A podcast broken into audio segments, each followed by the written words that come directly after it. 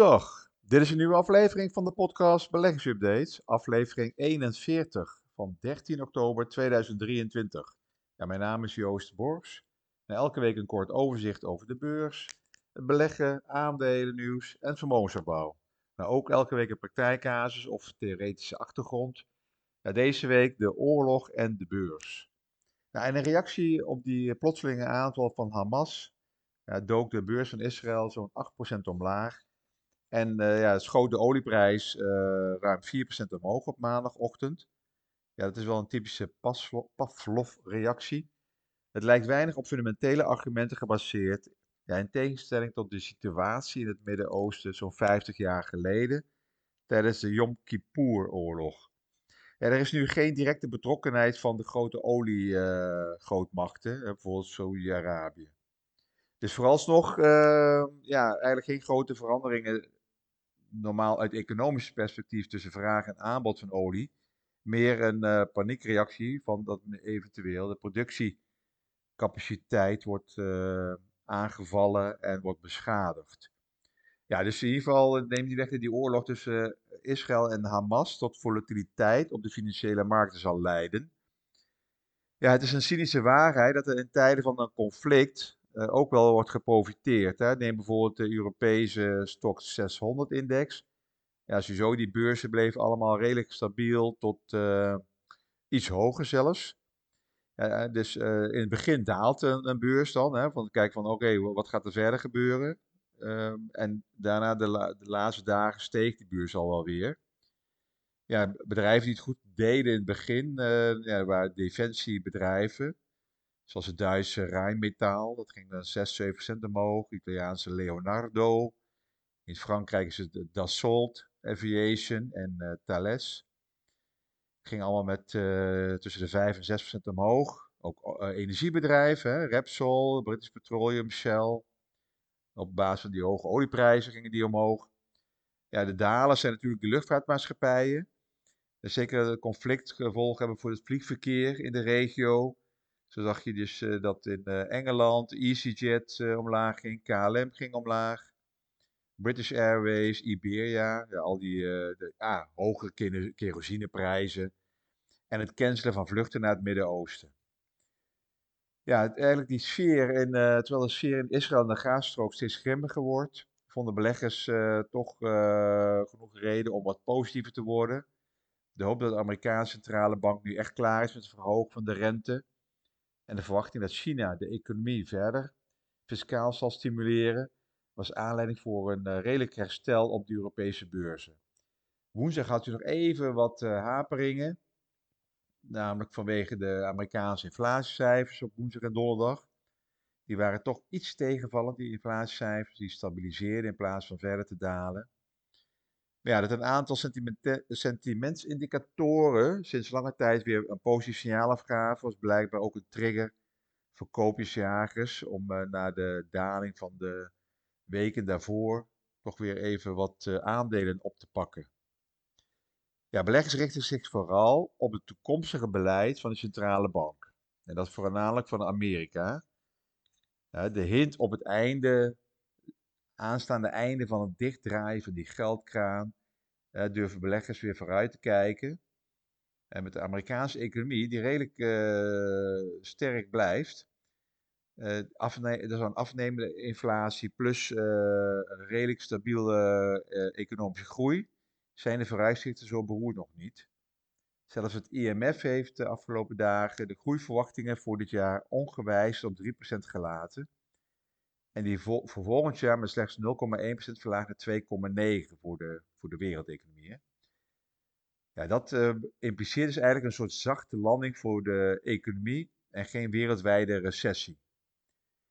Ja, die inflatiecijfers, ja, die vallen eigenlijk al maanden op een rij mee. Dus je hebt steeds meer dat ze wat langzaam zo richting misschien het gewenste niveau gaan. Met soms even een maand dat ze stabiel blijven. Een soort, soort uh, rustplateautje om daarna weer neerwaarts kunnen gaan. Dat zou het mooiste scenario zijn. Eigenlijk, dat, dat luidt eigenlijk een beetje de, het einde van de renteverhogingen door die centrale banken. Uh, luidt het eigenlijk een beetje in. Hè? Het komt steeds dichterbij. Toch zijn de rentes de afgelopen maand hard opgelopen, vooral op lange lopende obligaties. Een overtuigende verklaring ontbreekt, hè, wat eh, wel duidelijk is, die scherpe rentestijging komt hard aan voor beleggers. Ik heb het al een paar weken ben ik over bezig, die obligatiemarkt eigenlijk de grootste daling heeft laten zien dan de aandelenmarkt. In Amerika, die rentes uh, dicht bij die 5%, uh, alhoewel het nou een beetje terugzakt naar 4,7%. En in Duitsland 3% voor een 10 jaar staatslening. De rentestijging is toch wel opmerkelijk. Hè? De inflatiecijfers vallen al maanden op een rij mee. En wijzen op een duidelijke terugkeer naar, terugkeer naar het niveau van voordat we die uh, grote stijging kregen, van voor twee jaar geleden. En niet alleen neemt die inflatie hard af, maar ook de hardnekkige kerninflatie neemt inmiddels scherp af. Uh, in Europa bijvoorbeeld. Daarmee is ook, dat zie je ook in Amerika. Dus je, hebt, je hebt twee soorten inflatie. Men kijkt naar de, de kern, dat is, en daarnaast kijk je naar het totale plaatje. En in het totale plaatje zitten de energieprijzen. Die zijn het meeste volatiel, het meeste, ehm, ja, die kunnen in, tijdelijk voor enorme schokken zorgen. Dus, dus ik moet eigenlijk kijken naar de kern, dat zijn dan de belangrijkste cijfers. Maar eigenlijk uh, zie je dus dat dat zou eigenlijk inhouden dat de centrale bank eerder een signaal moet afgeven dat ze klaar zijn en dat er misschien ruimte is voor uh, stabiliteit en rentes of een daling. Ja, die rente is de afgelopen twee jaar fors opgelopen. Ja, dus uh, alle rentes op een mandje van alle grote obligaties van hoge kwaliteit in euro, die zitten zo rond die 3,5 procent. Duitsland op 3 procent, maar de 10 jaar rente, maar die anderen zitten wat hoger eigenlijk het hoogste niveau sinds 2011. En in augustus was het nog maar 3,5 voor een mandje met Europese obligaties. Ja, dus misschien is de omslag in inflatie en verwachtingen ten aanzien van de centrale banken onvoldoende om die trend in die obligatiemarkt te keren. Dus obligatiebeleggers blijven nog steeds uh, angstig en uh, dat ze de centrale banken nog niet zo vertrouwen. Dat is het eigenlijk. Dus uh, ja. Maar ja, de geschiedenis leert ons dat periodes van onzekerheid, zoals we nu zien, meestal de tijd is om dat aandelen het meeste lijden.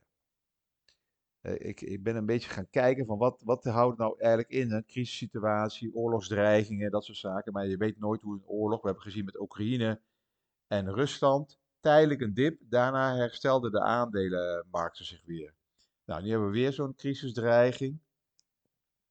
Ja, onderzoekers van het uh, Zwitserse Financieel Instituut, het eh, Swiss Finance Institute, hebben Amerikaanse militaire conflicten na de Tweede Wereldoorlog onderzocht en ontdekten dat in gevallen waarin er een vooroorlogse fase is, een toenemen van oorlogskans, toename van oorlogskans, dat de beurs de neiging heeft om de aandelenkoers, althans dat, dat die sfeer de neiging heeft om de beurs onder druk te zetten maar het uiteindelijk uitbreken van een oorlog juist het tegenovergestelde effect laat zien.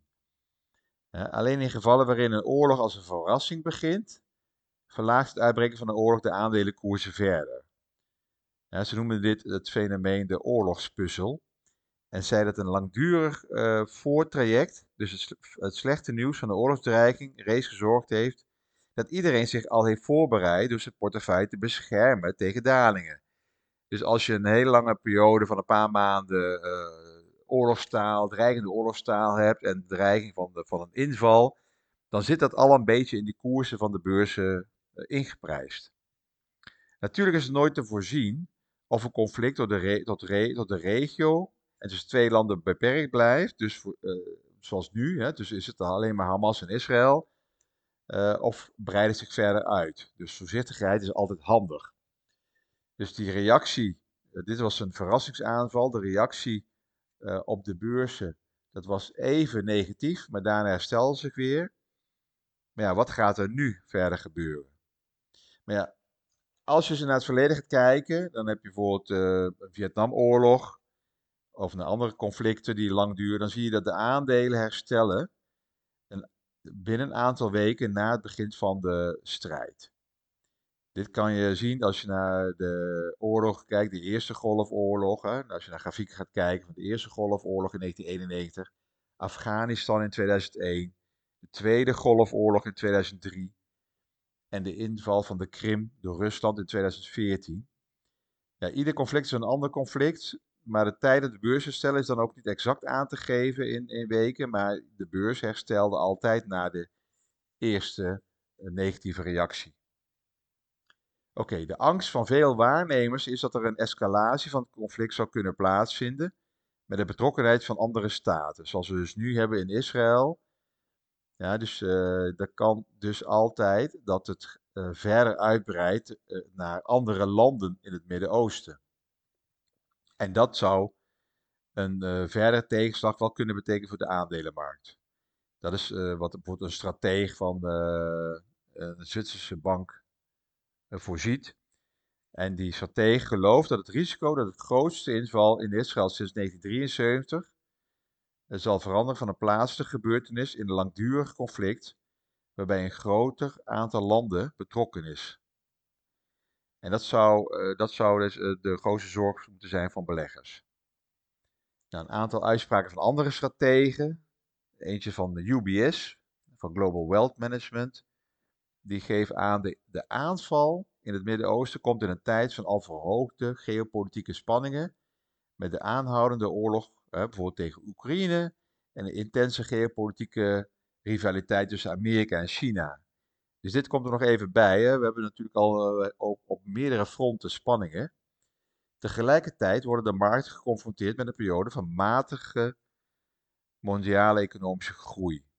Tegen deze achtergrond blijft uh, dus UBS de voorkeur geven aan uh, obligaties boven aandelen. Dus we zitten nog wel in aandelen, maar uh, iets minder dan de strategische asset allocatie zou kunnen aangeven. Ze zien een beter risicorendementsprofiel voor obligaties. En zij vinden ook dat, ze adviseren dan ook beleggers om obligaties van hoge kwaliteit met een looptijd van tussen de 5 en 10 jaar te kopen. Nou, dat was dus UBS. Nou, een strateeg van Edmond de Rothschild, Asset Management. Ja, die, die, geeft dan, die zegt dan dat er op dit moment uh, geen reden is om te positioneren op het gebied van hun aandelen-obligatie-allocatie te veranderen, hè, de asset-allocatie. Maar voegt eraan toe, niemand kan zeggen of de reactie vergelijkbaar zal zijn met die uit het verleden, of dat louter de schok van wat er gebeurd is zou kunnen leiden tot een uitbreiding van het conflict. Nee, natuurlijk niet. Dat weet, dat, dat weet niemand. Het is een beetje een open deur. Als gevolg hiervan is het zinvol om een risicopremie op de markt toe te passen. Dus eigenlijk zegt hij van ze, ze veranderen niks, niet de reden, maar als het uitbreidt, voor mij ben je dan te laat, maar als het uitbreidt naar meerdere landen, dan is het eh, dan wel zinvol om waarschijnlijk hun aandelenbelang wat te verlagen. Nou, dan heb ik tenslotte nog de marktstrateeg van eh, IG in uh, Italië. Ja, die, zijn, die strategen dat de volatiliteit de komende dagen zeer hoog zou kunnen blijven en dat de impact op de markten steeds groter zal worden als andere staten erbij betrokken zouden gaan worden of kunnen worden. Wat zou leiden tot risicoaversie en tot een risk-off sentiment dat nog lang kan aanhouden. Uh, risk-off betekent, hè, aandelen zien ze risicovol, dus dat zouden ze iets minder risico nemen, eh, misschien wat meer naar cash gaan in plaats van aandelen. De destabilisatie van het Midden-Oosten zorgt voor een sterke opwaartse druk op de olieprijzen en zet beleggers ertoe aan uh, te, kijken naar andere activa die een veilige haven zou kunnen zijn, zoals obligaties, dollars, Zwitserse frank uh, en goud. Nou, dat is dan de strategie van IG Italia. Die noemt een paar andere asset-categorieën op ja, niemand kan vooruit uh, blikken of die oorlog zich uh, verder gaat ontwikkelen uh, naar een groter gebied. Of dat het misschien binnenkort tot een vredesonderhandeling gaat komen, wapenstilstand en dat er een oplossing zou kunnen zijn. Nou ja, dus voorlopig dan moet je het hier maar mee doen. Dank voor het luisteren. Alles op persoonlijke titel, niet bedoeld als beleggingsadvies en op basis van openbaar verkrijgbare informatie. Tot de volgende week.